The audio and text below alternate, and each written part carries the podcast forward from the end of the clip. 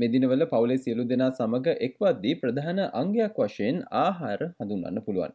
ඉතින් මේ පුද්ගලයන්ගේ ස්තුල බව ඉහළයාම පිළිබඳව යොමුවන අවධානයක් සමගින්ම අපි හිතුවා මෙවරත් අවුරුදු සමය තුළ සෞඛ්‍ය සම්පන්න ලෙස සිටින්නේ කොහොමද යන කාරණාව පිළිබඳව අවධානයක් යොමු කරන්න. මේ සඳහා අපත් සමග අද දවසේදී සම්බන්ධ වෙලා සිටිනවා ශ්‍රී ලංකාවේ සායනික ආහාරවේදිනියක වශයෙන් සේවය කළ සහ පර්ත් හීකර්ටන් විශ්වවිද්‍යාලයේ මහජන සෞඛ්‍ය සහ පෝෂණ පර්යේෂණ නිලධහරිණියක් වන ආචාර්ය නිරංජනී වික්‍රමසිංහ මහත්මිය. අයිබෝන් කියල ඔබතුමියම පිළිගන්නවා නිරංජනී මහත්මිය අපගේ ස්බේ සිංහල සේවය වෙත අයිබෝවන් නිපුර ස්තුතියි මේ අවස්ථාව ලබා දුන්නාට ඔබ කිව වගේ මේක හරිම කාලීන මාතෘකාවක් හොඳයි නිරංජනි මහත්මිය අපි මුලින්ම යමුයමු මේ උත්සව සමය තුළ ආහාර වැඩිපුර ගැනීම පාලනය කර ගැනීමට පුද්ගලන්ට මොන වගේ ක්‍රියාමාර්ගද ගත හැක්ක යන කාරණාව සම්බන්ධයෙන්.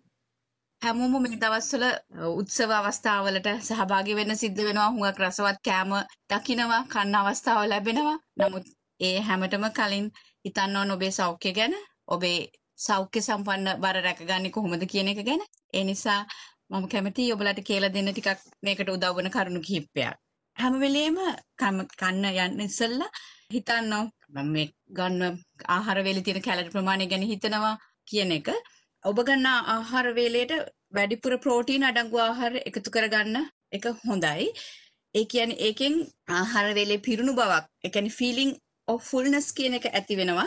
ඒ නිසා ප්‍රෝටීන් වල තියෙන ඒ ෆිලිං කියන ලක්ෂණය උපයෝගී කරගෙන අපිට පුළුවන් ප්‍රෝටීන ආහාර වේලයකට ලබාගෙන හෝ අතුරු වේලක් ලෙස එක්කර ගන්න. ඊළඟ කාරණය තමයි කෑම පිඟානෙන් භාගයක් එළවලු හෝ සලාද වලින් පුරව ගන්න. ඉතුරු භාගෙ තමයි අනිත් ආහාර වලින් පුරව ගන්න ඕනේ. ඊළඟට තුන්වෙනි කාරණය තමයි ඔබ හැම විටම කෑම වේල සමග ජලය එකතු කරගන්න. ඒ කියන්නේ අපි කෑමක් කන්න කලින් හැම වෙලෙම වතුර වීදුරුවක් බීලා තමයි පටන් ගන්න ඕනේ. ඊළඟ උපක්‍රමය තමයි අපි හැම වෙලේම ආහාර වේලක් ආරම්භ කරන්න පුළුවන් අපිට මේ එළවලු සුප් එකක් එහෙම නැත්නම් සැලඩ් එකකින් මේන් මීල් එකට යන්න කලින්. කරන ලද විද්‍යාත්මක පර්යේෂණ ගණනාවකට අනුව හොයාගෙන තියෙනවා ප්‍රධාන ආහාර වේල ගැනීමට පෙර සුප් එකක් ගැනීමෙන් සිට විස්සක් කැලරි ප්‍රමාණයක් අඩු කරගන්න පුළුවන් කියලා. ඒ වගේම තමයි තවත් පර්යේෂණයකදී එම පර්යවේෂකවරයා හොයාගෙන තියෙනවා ආහාර වේලකට කලින් ලොකු සලාදයක් ආහාරයට එකතු කර ගැනීමෙන් සිට දොළහක් පමණ කැලරි ප්‍රමාණයක් ඔබේ ප්‍රධාන ආහාර වේලයට අඩු කරගන්න පුළුවන් කියලා. මේක සිද්ධාන්තයේ තමයි සැලඩ් එළවලු සලාදයකින් හරි එම නැත්නම් සුප් එකකින් හරි ඔබට ගේ බඩගින්න ඉක්මනින් අඩු වෙනවා. ඒ නිසා ඔබගේ ආහාර වේලෙන් ලැබෙන කැලරි ප්‍රමාණය අඩු කරගන්න.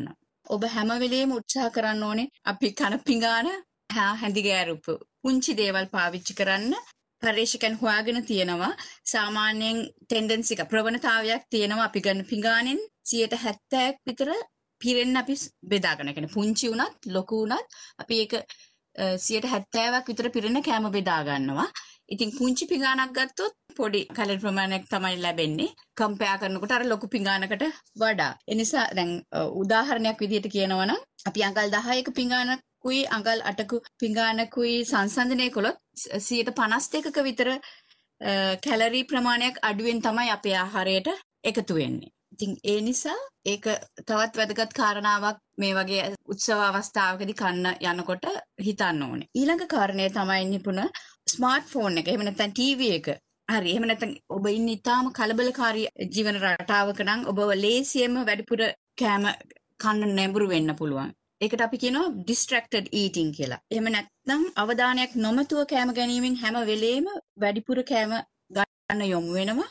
එහෙම කරන්නේ නැතුව mindful eating කියන එක. එහෙම නැත්නම් ඔබේ අවධානය සම්පූර්ණයෙන්ම කෑම ගැනීමේදී ඒට යොමු කිරීම නැමැති සිද්ධාන්තයෙන් කෑම කෑව ඇති කියන හැඟීම අපිට දැනෙනවා අපි කෑම ගැන හිතලා කනකොට. ඒ නිසා අපි හැම වෙලේම මයින්ඩ්ෆුල් ඊටින් කියන එක ප්‍රැක්ටිස් කරන්න බලන්න ඕනේ.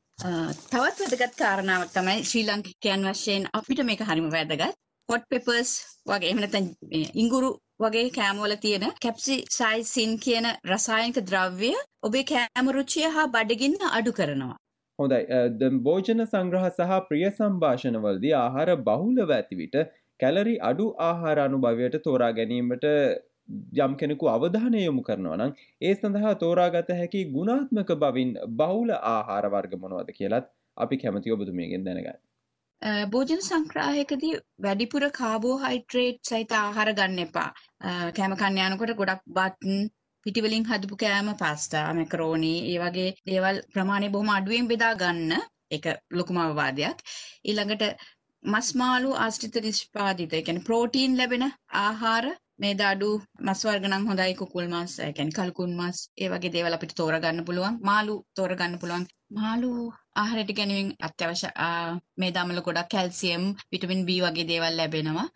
හැකිපමණ එළවලු හා පළතුරු තෝරගන්න. වර්ණවත් එළවලු සලාද හුඟක් ඒකට එකතු කර ගැනීමෙන් විටමින් සහ කන්ජ ලවණ ලැබෙනවා. මේ විදිහට බැලන්ස් ඩයට් එකක් හදාගන්න පුළුවන්.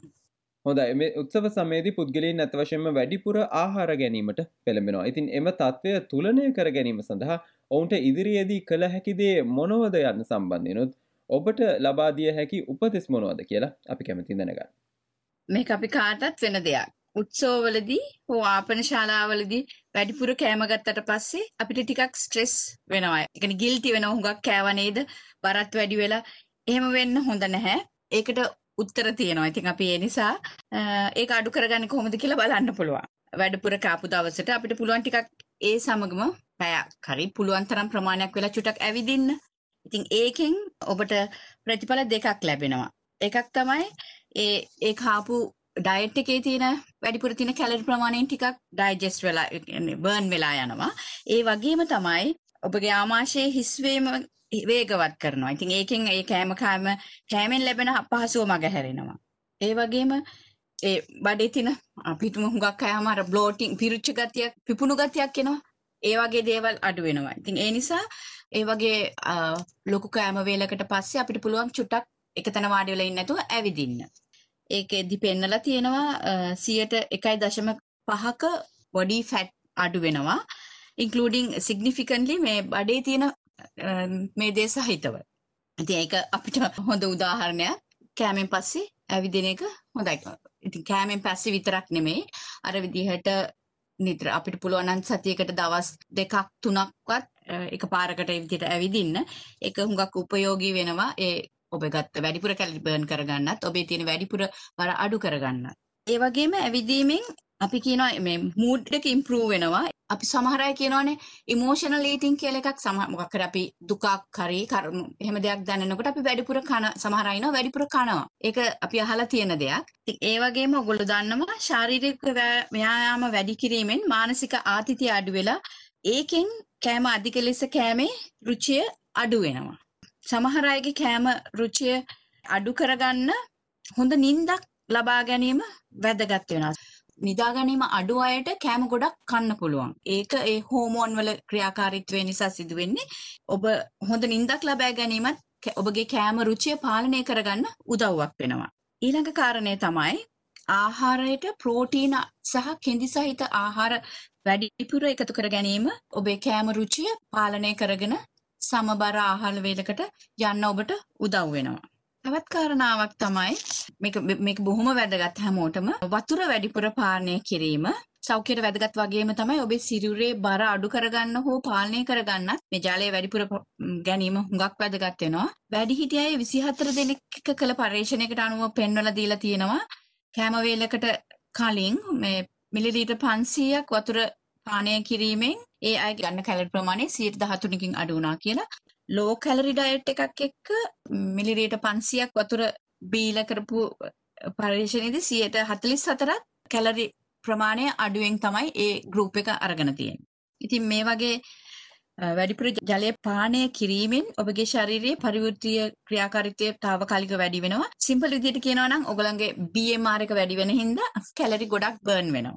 ඊළඟ එක තමයි යෝගා වගේ ශාරීරික ක්‍රියාකාරයන් නිසාත් අර විදිහට ඉමෝෂනල් ඊටින් කියන එක අඩු වෙලා කෑම රුචිය පාලනය කරගන්න උදව් වෙනවා. සමහර අය ඉන්නවා මම ඊයේ හුඟක් කෑවා අද කන්න හොඳ නෑ කියලා කන්න නැතුව අතාරිනවා. ඒක හොඳ නෑ. අපි හැම වෙලේම කිසිම මීල් එකක් අවොයිඩ් කරන්න හොඳ නෑ. විශේෂයෙන්ම උදේ ආහාර වේල හොඳට ගන්න ඕනේ. දවල් ආහාර වේල ගන්න ඕනේ. රැට කන ප්‍රමාණය අඩු කරාට කමක් නැහැ. නමුත් රෑට උනත් ඔබ අඩුම ගානේ සලාදයක් හෝ සුප් එකක් වගේ පුංචි සැහැල්ලු ආහාරයක් හරි ගන්න ඕන. අපි කිසිම ආහාර වේලක් මග හරින්න හොඳ නැහැ. මොකද ඒකෙන් අනිත් පැත්තට ඊළඟ දවසේ හෝ ඊළඟ අවස්ථාවේ කෑම රුචිය හුඟක් වැඩි වෙලා අපි හුඟක් කන්න නැඹුරු වෙනවා.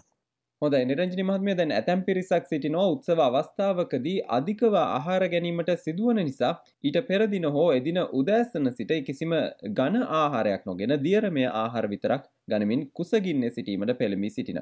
ඉතින් මෙය කෙතරම් දුරකට නිවැරදිද සහ මෙය කෙතරම් දුරකට සෞඛ්‍යයට හිතකර දෙයන්න සම්බන්ධිනුත් අපි කැමති අවසාන වශයෙන් ඔබතුමියගෙන් දැනගන්න. ඒක හොඳ දෙයක් නෙමෙයි කෙටියෙන් කියනවා නම් ඒක බොහොම වැරදි ක්‍රියාවක්. අපි මෙහෙම ලොකු කෑමකට යන්න කලින් දවසේ හරි ඊට කලින් වේලවල් හරි එම නොගෙන බඩගින්න ඉන්න එක හොඳ දෙයක් නෙමෙයි. මොකද අපි එහෙම කෑමකට යන්න ඉන්නකොට අපි හැම වෙලෙම කරන්න ඕනේ ඔයාලට පුළුවන් සැහැල්ලු ආහාර වේලකට යන්න. නමුත් ඒට හොඳට ප්‍රෝටීන සහිත ආහාර එකතු කරගන්න ඕනේ. මොකද සිද්ධාන්තයේ තමයි කෑම රුචිය කියන එක අඩු කරගන්න ඕනේ. නැත්නම් අපිට හුඟක් කෑම කන්න කැමැත්ත වැඩි වෙනවා. ඒක වෙන්නේ ඇගේ තියෙන හෝමෝන් වලින්. ඉතින් ඒක අපි ප්‍රෝටීන් ආහාර ද්‍රව්‍ය කලින් අරගෙන තියෙනවා නම් ඒක අපිට උදව්වක් වෙනවා ඒ කෑම රුචිය අඩු කරගන්න.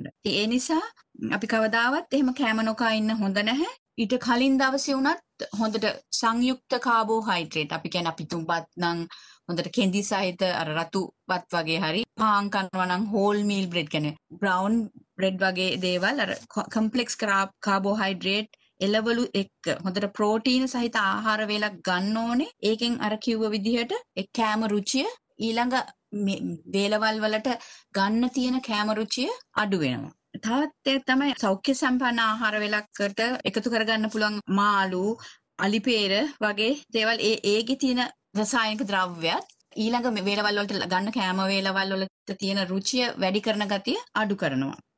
හොඳ අපි සාකච්ඡා කරමින් සිටියේ සාමාන්‍යයෙන් අවුරුදු සමය ආහාරවලින් බහුල වුණත් මෙවර අවුරුදු සමය තුළ සෞඛ්‍ය සම්පන්න ලෙස සිටින්නේ කොහොමද යන කාරණාව සම්බන්ධයෙන් ශ්‍රී ලංකාවේ සායනික ආහාරවේදිනියක වශයෙන් සේවය කළ සහ පර්ති කටින් විශ්වවිද්‍යාලයේ මහජන සෞඛ්‍ය සහ පෝෂණ පර්යේෂණ නිලධාරිණියක වන ආචාර්ය නිරංජනී වික්‍රමසිංහ මහත්මිය සමඟ.